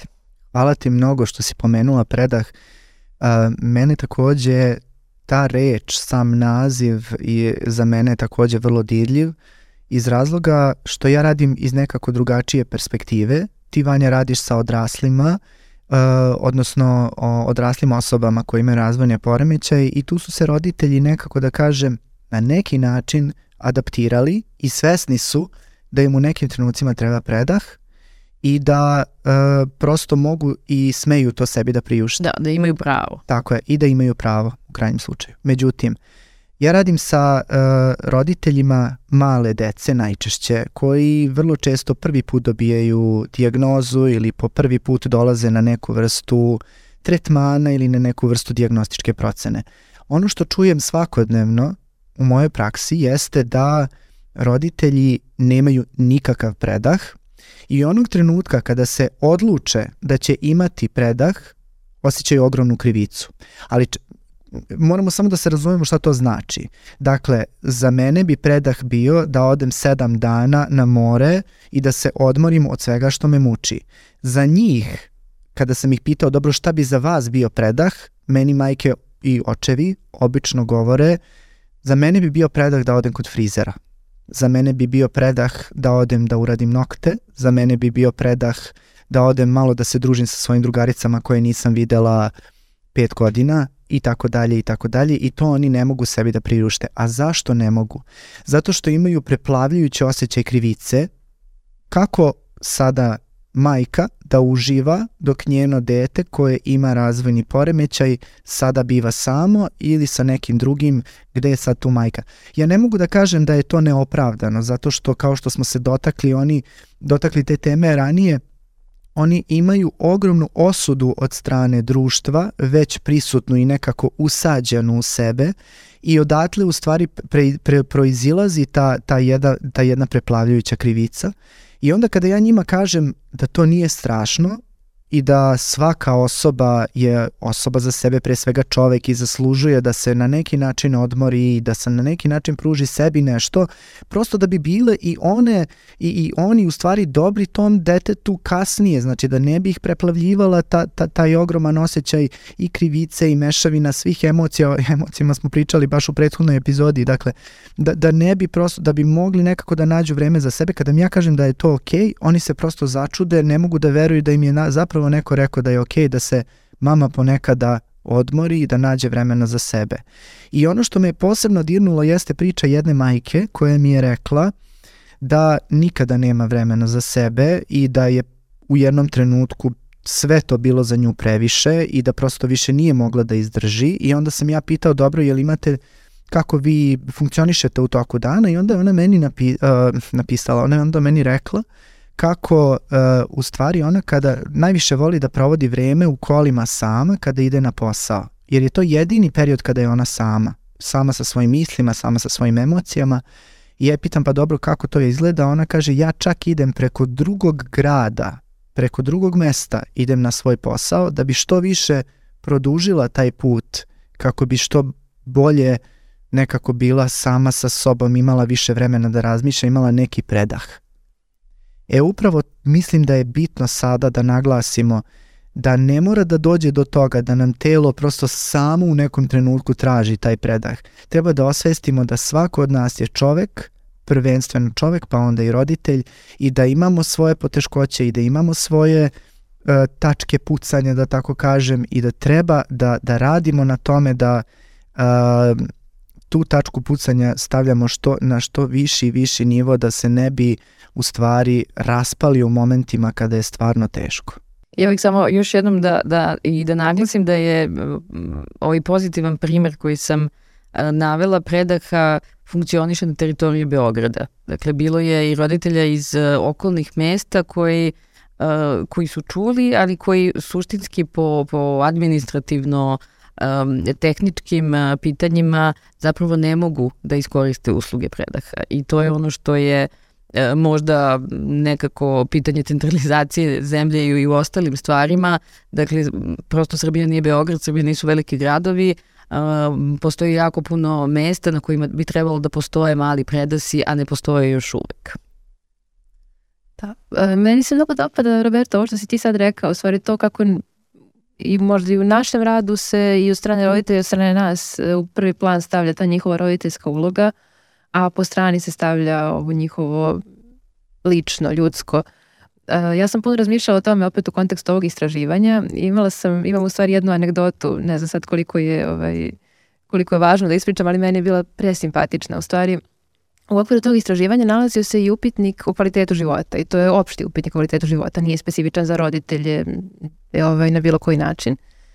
I e, bili su tu e, jedna mama, tata i jedan adolescent i on je sedeo tu, bio je dobar, mama je popunjavala upitnik, tata je čekao i mama je došla do tog dela sa ovaj, kvalitetom života i onda je onako naglas pročitala pitanje kako sam zadovoljna svojim seksualnim životom. I ovaj, onda je ovaj, otac u stvari mnogo simpatično reagovao, onako stidljivo je u stvari spustio pogled i rekao, pa dobro ti napiši kako si zadovoljna. Tako da sam ja u stvari razmišljala kako je i taj možda njihov partnerski odnos iz mog ugla nešto što je totalno nekom 50. planu, a u stvari apsolutno važan deo njihovog kvaliteta života. Jeste. Jeste, I, i, i vrlo često i dolazi nekako do, do, do razvoda, prosto verovatno između ostalog zbog toga što prosto nema prostora za, za, za odnos, nema predaha da bi se nekako odnos negovao i i to, to je ono što, što smo dužni i nekako čini mi se kao društvo da tim ljudima obezbedimo ove, ovaj, i omogućimo. Da, jako mi je drago e, što smo se u stvari dotakli te centralizacije jer to je takođe jedan od velikih problema i ti si uh, u svom uh, jednom ovaj govoru rekla oko to, to da se u stvari u nekim situacijama osjećaš nemoćno. Vrlo često se ja tako osjećam i vrlo se saosećam sa tobom i to u nekim trenucima jeste do mene, do mog neznanja da se izborim sa određenim problemima, kako svojim ličnim, tako i ovaj, sa, sa problemima pacijenata. Međutim, um, naša nemoć kao koji smo u stvari deo sistema jeste u samom sistemu koji vrlo često nije podešen da odgovara, da odgovara potrebama. E, nekako, kao što smo rekli na početku, postoje ogromne inicijative da se neke stvari promene, ali prosto koraci su uh, vrlo spori, a neke porodice prosto ne mogu da priušte da čekaju, jer svi znamo koliko je taj rani razvoj bitan, koliko je uh, bitno, mi stalno brujimo o tome kako je bitno raditi u najranijem periodu, kako je bitna ta intenzivna stimulacija, kako je bitno da se radi na ovaj i na onaj način, a prosto kada oni dobro dođu i kažu važi, hvala, bitno je kako ja to da uradim. E onda tu dolazi taj, ta moja nemoć, jer kada dođe neko ko nije ovaj, koji je iz nekog manjeg mesta, gde mi, eto, kažemo, vrlo često imaju pola logopeda, mislim, ne mislim je to pola čoveka, nego prosto ta osoba je toliko razapeta između ovaj, gomile i gomile potreba, da prosto ne može da stigne i ovaj, da postigne, ovaj, da, da isprati sve potrebe I moram da naglasim da uh, je, uh, jedan projekat koji sam ja mogu reći slobodno rečen uh, slobodno reći da sam zaljubljen u taj projekat jer sam video kakve uh, kakve ishode u stvari, do kakvih ishoda dovodi. To je jedan projekat uh, Svetske zdravstvene organizacije koji se zove um, trening uh, roditeljskih veština, odnosno popularno nazvan CST, od skraćenica od engleskog naziva Caregiver Skill projekat. Uh, Dakle, to je u stvari projekat kojima mi obučavamo roditelje kako kod kuće da rade sa svojom decom. I tu smo u stvari došli do momenta da roditelji zapravo mogu, da ja kao stručnjak mogu nešto da im ponudim. Dakle, ja im konkretne, mislim i to radimo na svakodnevnom nivou stvarno, ali ovo je uh, koncept grupe roditelja gde dolaze roditelji sa istim problemima, odnosno sa, sa, koji imaju decu sa istim problemima i a, dajemo im nekako konkretne savete kako sa konkretnim životnim situacijama da se izbore Ka, i kako kod kuće da iskoriste svakodnevne situacije da stimulišu svoju decu i njihov razvoj. Na primer, šta bi to, šta bi to predstavljalo? Dakle, kada ide sa detetom u kupovinu, da kaže, aha, ovo je hleb, i onda da stave, ne, ne znam, hleb u korpu tako da se stimuliše govor, da se stimuliše, da se podstiče nezavisnost deteta. Znači, šta da radimo kada nam je dete ekstremno hiperaktivno ili besno ili kada ima značajan problem u ponašanju? Onda govorimo roditeljima, dajemo im savete kako treba da uzmu um, nešto što se zove time out, odnosno sad popularno i time in, odnosno da dete bude tu uz roditelja, da dobije neku podrža, podršku i tako dalje. Sa druge strane, ono što je najlepši deo tog projekta i u stvari odakle sam ja i krenuo uh, brigu o roditeljima najveću jeste da je nekoliko sesija tog projekta u stvari uh, uh, pruža uh, brigu roditeljima samim i njihovom mentalnom zdravlju. Što je bilo potpuno, da kažem, čudno za mene jer ja izađem sa medicine, potpuno fokusiran na pacijente i njihove simptome i nekako ne rasplinjujemo se tu previše. Međutim, dođe tako neki projekat koji ti potpuno pomeri uh, perspektivu uopšte gledanja na kliniku i um, u tom trenutku ja shvatam koliko je bitno osnažiti samog roditelja i njegov život i njegovu, u stvari, njegovu ličnost. I onda smo, znači, kroz te radionice sa tim roditeljima u stvari dobili uh, dobili da i roditelji koji nisu u Beogradu i roditelji koji žive negde na periferiji gde nema mnogo gde nema mnogo pristupa različitim službama da mogu sami nešto da urade. I oni su vrlo da kažem eto neka preliminarna istraživanja kažu da su jako zadovoljni ja se nadam da će tako i ostati Upravo zato što smo, eto, korona koliko nam je donela, toliko nam je i odnela, ali ja ću pričati o ovome što nam je donela. Donela, nam je, donela nam je potpuno nov način komunikacije, taj online način koji je ranije nije bio toliko rasprostranjen.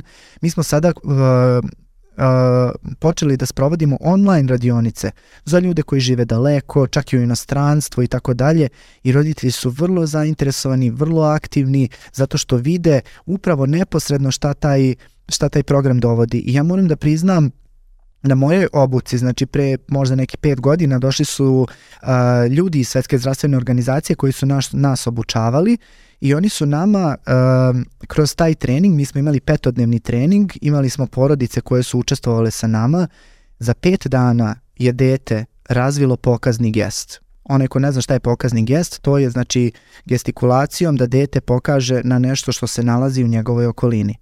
To je jako bitno da bi dete uopšte počelo da razvija komunikaciju. To je faktički prvi stepen. Od prvo evo ja tebe gledam u oči, e onda ću da naučim da ti pokažem nešto, e onda tek ide se sa razvojom komunikacije i govora. Znači, to je nešto prvo u stvari što, i ja kada sam video da je to dete nakon pet dana pokazalo na jabuku i pokazalo u stvari roditeljima šta ono želi, vi ne možete da zamislite, mi smo se svi prosto nismo mogli da verujemo šta se to dešava pred našim očima. I zato smo mi zagrizli i zato sada širimo taj projekat po celoj Srbiji. Ja moram da se zahvalim mnogo UNICEF-u koji je ovaj, i raznim drugim nevladinim organizacijama i roditeljskim udruženjima koji su se stvarno udružili i trudimo se da širimo taj projekat po celoj Srbiji jer stvarno vidimo neverovatne rezultate. Eto, to je odličan primer, ovaj, tako da možda nekako liči, možda čak i novi čarobni štapić koji je Sanja ovaj, spominjala, ali to ne znači da se ove, društvo skida odgovornosti koje ima prema, porodicama. Da se ne izvuče lako. Da. Ali baš jeste zanimljivo to što si rekao da, da, da, da razvije pokazni gest, jer baš u onom istraživanju koji smo radili pre nekoliko godina kad su roditelji govorili o tome šta su im najveće brige ili teškoće, jedna od uh, najčešćih koji su navodili jeste u stvari problem u komunikaciji mm -hmm. i, i mogućnosti da saznaju uh, zapravo šta, šta dete želim da im kaže. Pa zamislite Ove, prosto... To je ključna stvar. Tako je, zamislite uopšte frustraciju roditelja koji ne zna šta mu dete želi. Dete plače, dete je uznemireno, frustrirano, nema načina da ga razume jer ne zna kako, kako prosto da, da, da, ovaj, da iskomunicira sa njim ili sa njom i u tom trenutku ljudi su potpuno, kako da kažem, o potpunom osjećaju bespomoći. Ne možeš da, da razumeš šta tvoje sobstveno dete od toga traži.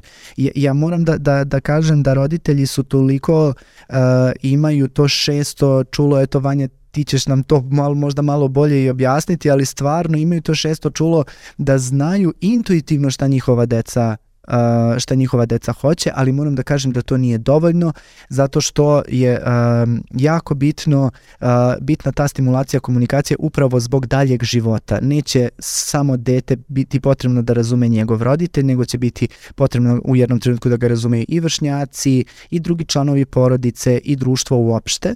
I upravo mislim da je to To je u stvari nerazumevanje od strane roditelja, ali kad god pričamo o nerazumevanju, volim da se dotaknem i nerazumevanja okoline, jer mislim da nekako cela okolina sklanjaju pogled, um, plaše se da slušaju o ovoj temi, zašto mislim, zašto je uopšte Sanja naglasila na početku da ova epizoda verovatno neće biti mnogo popularna među ljudima kojima to nije od interesa. Uh, ja se s tobom slažem i mislim da je to u suštini najveći problem nas kao zajednice, što e, čini mi se da e, bi ovaj podcast najmanje trebalo da gleda e, roditelj koji ima dete sa problemom u razvoju, a najviše svi ostali da bi znali kroz šta ti roditelji prolaze, jer vrlo često roditelji mnogo, mnogo zna, više znaju o na, od nas i o svojoj deci i o tome kako se oni sami osjećaju. Mi smo danas samo pokušali da prikažemo jedan mali delić njihovog života i njihovog sveta i da nekako budemo njihov, njihov govor, da budemo njihova reč i da pokušamo da prikažemo na neki način kroz šta oni prolaze i šta je to dobro, a šta je to loše kroz šta oni se u stvari sa čim se oni suočavaju. Da, nisam sigurna koliko smo uspeli, samo ćemo da kažemo da smo se potrudili maksimalno, ali to jeste uh, nekako roditelji um, u stvari da, mogla bih da se vratim nekako i na, na ovaj, uh, svoje korene, a to je da mi je tata psihijatar, a ovaj, to je čovek od malo reči, ali je jedan od glavnih um, saveta koji mi je dao bio samo radi i uči od pacijenata. I ove, ja bih mogla sad da dodam, pošto se on bavio, da kažemo, klasičnom odraslom psihijatrijom, da sam jako puno naučila od pacijenata uh, i najviše zapravo od njih, a da kroz rad sa, sa osobama sa, sa neurorazvojnim poremećima jako puno učim od roditelja i zaista ih m, se trudim da ih slušam i da uh, u, u skladu sa onim što mi govore nekako i ja učim o detetu i probam da razumem i kako što bolje da mu pomognem.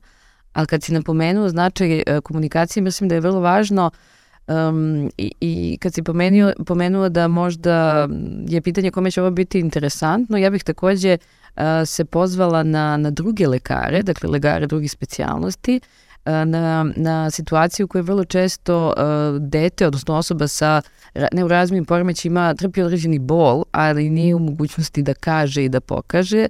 Vrlo često su epizode uznemirenja ili agresivnosti um, i to vrlo često prema sebi, um, i, i, prisutne upravo zbog nekog bola koje, koje dete trpi.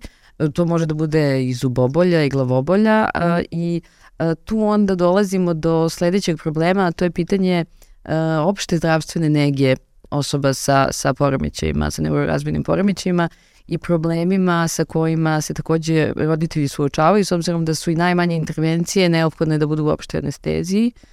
E, I opet bih, e, da kažemo, iskoristila ovu, ovu priču u smislu, odnosno da podvučem nešto što vrlo često kažem i govorim svojim studentima, pošto uh, sam asistent na katedri za psihijatriju medicine u Beogradu, uh, medicinskog fakulteta, I vrlo često počnem s tim da znam da su da je većina njih internista, hirurga i da malo koga zanima psihijatrija, ali da uh, od sebe očekujem da uh, da ih upoznam sa tim što je psihijatrija i da sprečim da se u, u, nekoj svojoj budućnosti plaše pacijenata sa psihijatrijskim poremećima, pa isto tako i sa neurorazvojnim poremećima, zato što su iskustva naših pacijenata mnogo, mnogo su, mučna su iz, praktično od, od naših kolega. I to je nešto što ne smemo da dozvolimo, a to je nešto što uh, između ostalog i, uh, vrlo često roditelji i dece sa, sa neurorazvojnim poremećajima doživljavaju. Hvala ti što si se dotakla tih drugih medicinskih stanja. Ja samo moram da kažem da u ovom trenutku mi izrađujemo veliki broj materijala za roditelje e, koje može biti od, koji im mogu biti od pomoći u saradnji najviše sa UNICEF-om i drugim uh, organizacijama uh, i udruženjima roditelja.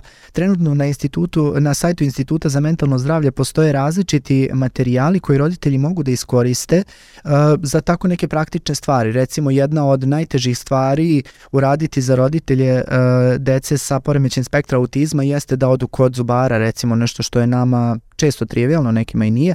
Uh, I ovaj, u stvari imamo ceo pamflet oko toga kako se u stvari dete priprema, kako to treba da izgleda, šta uraditi posle, šta uraditi ukoliko je uznemireno i tako dalje. I tako za različite, različite životne situacije, recimo situacija kod frizera, situacija u, u, u slučaju velikih promena, u kriznim situacijama i tako dalje. Mislim da bi bilo korisno za, za bilo kog roditelja ko, evo, ko se prepozna u ovoj celoj priči da ode u stvari da pročita te stvari, mislim da ovaj, mislim da mogu biti, uh, mislim da mogu biti koriste. A što se tiče uh, drugih stručnjaka koji rade sa decom, ja bi se s tobom ovaj, takođe tu složio, uh, uh, s tim što bih morao da naglasim um, šta u stvari vrlo često me to pitaju kome ja da se obratim u trenucima kada primetim, i ako primetim, evo recimo slušaju ovo podcast, odu skinu razvojnu mapu o kojoj smo pričali i vide recimo da dete ima već dve godine i, i, nego, um, i ovaj ne hoda ili ima recimo godinu dana, nema ni jednu reč.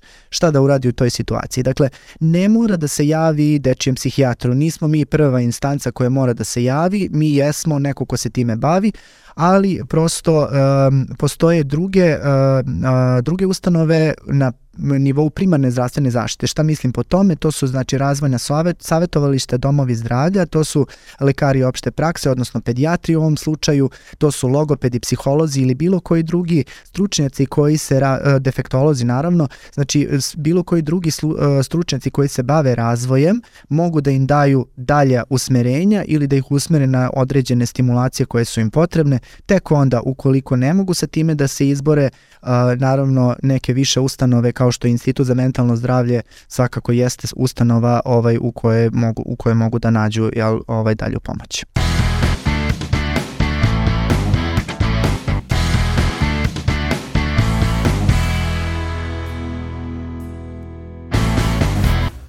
Ne bavimo se samo mi ovom temom. Uh, moram da priznam da su uh, mnogi poremećaji o kojima smo danas pričali, mnoga stanja, u stvari obrađena i u uh, različitim kinematografskim, uh, da kažem, projektima. To su različiti filmovi, serije i tako dalje. Jeste li gledali neke, da kažem, filmove, serije, predstave, nešto što je na vas ostavilo utisak kada ima veze sa današnjom temom? Pa ja sam gledala relativno nedavno seriju Atypical, gde je u stvari prikazan jedan adolescent sa sa visoko funkcionalnim autizmom i moj utisak bio da je dosta lepo prikazan. I mislim da je to isto važno, zato što u kontekstu onoga što si ti rekao o tome kako mnogo ljudi i ne zna ništa o ovim osobama, njihovim porodicama, uh, mislim da je dobro da se zna, jer to možda uh, može da omogući da ljudi ne reaguju na neke neočekivane događaje, uh, bilo čime što je povređujuće ili mhm. diskriminišuće, već da reaguju sa, sa nekom vrstom razumevanja. Sad nisam sigurna e, da li u, da, e, u Huddersfieldu postoji isto, čini mi se, ovaj lik Nebojše Glogovca u stvari je, je osoba sa autizmom. E, ja bih se nadovezala na ovu seriju gde uh, jeste jako lepo prikazan, ali je uh, prikazano ono društvo o kome pričamo, odnosno društvo koje uh, omogućava i uključivanje osoba sa autizmom i uh, adekvatnu reakciju okoline. Meni, na primjer, um, dirljiv jedan bio moment koji možda može da ukaže na to Uh, jedan od elemenata autizma jeste i, i velika uh, senzorna osetljivost, što znači osetljivost na zvuke, osetljivost na, na bilo kakve jake nadražaje. I mislim da je bilo u jednoj epizodi da je uh, ovaj glavni lik, se zove kako se zove, ali uh, želeo da, da bude na nekoj žurci i njegova devojka i najbolja drugarica je uh, napravila u stvari silent party gde se pušta muzika, ali tako što svako pojedinačno nosi slušalice kao sada mi i čuje muziku, a on može da se kreće, a da, da ga ne uznemiravaju vrlo jaki zvuci. I to je možda i, i e, dobra simbolika kako zapravo treba zaštititi uh, ove osobe i njihove porodice, ali je to najbolji mogući primjer, da ne kažem možda utopijski. Mm -hmm. Jeste utopijski. Da, onako na američki način. Neki lak odgovor je da on prosto ne ide na ples, da svi ostali idu na ples i tako dalje. Da, jest. jeste savršen odgovor. Jest. Da, um, jedan od, ja sad evo imam asocijaciju kad smo počeli da pričamo o tome, uh, mnogo pre nego što sam uopšte odlučio da ću da se bavim dečijom psihijatrijom, moj omiljeni film od uvek, i to znaju ljudi sa kojima se družim, je bio Forrest Gump. I evo sada ste me asocirali da je to u stvari još od najranijeg perioda moj omiljeni film, pa možda u stvari sam ja i ranije prepoznao da, to, da je to u stvari neka tematika koju koja mene interesuje. Svako ko nije odgledao Foresta Gampa, a mislim da je takvih malo, a, mora da, prosto ja moram da vas nateram da odgledate taj film jer jako dobro prikazuje um, osobu i njen svet koja ima poremeće intelektualnog razvoja. Upravo se Sanja pomenula i Huddersfield, to je u našoj domaćoj produkciji pokojni Nebojša Glogovac koji je maestralno odigrao uh, odigrao ulogu takođe osobe sa ovaj poremećem u razvoju i um, To je bila jedna predstava, ukoliko se ne varam, u Jugoslovenskom dramskom pozorištu i jako mi je drago, e, jako mi je, izvinjam se, žao što nisam ovaj uspeo za života Nebojše Glogovca da, da odem i da vidim, jer sam čuo stvarno uh, najbolje, sve najbolje o toj predstavi.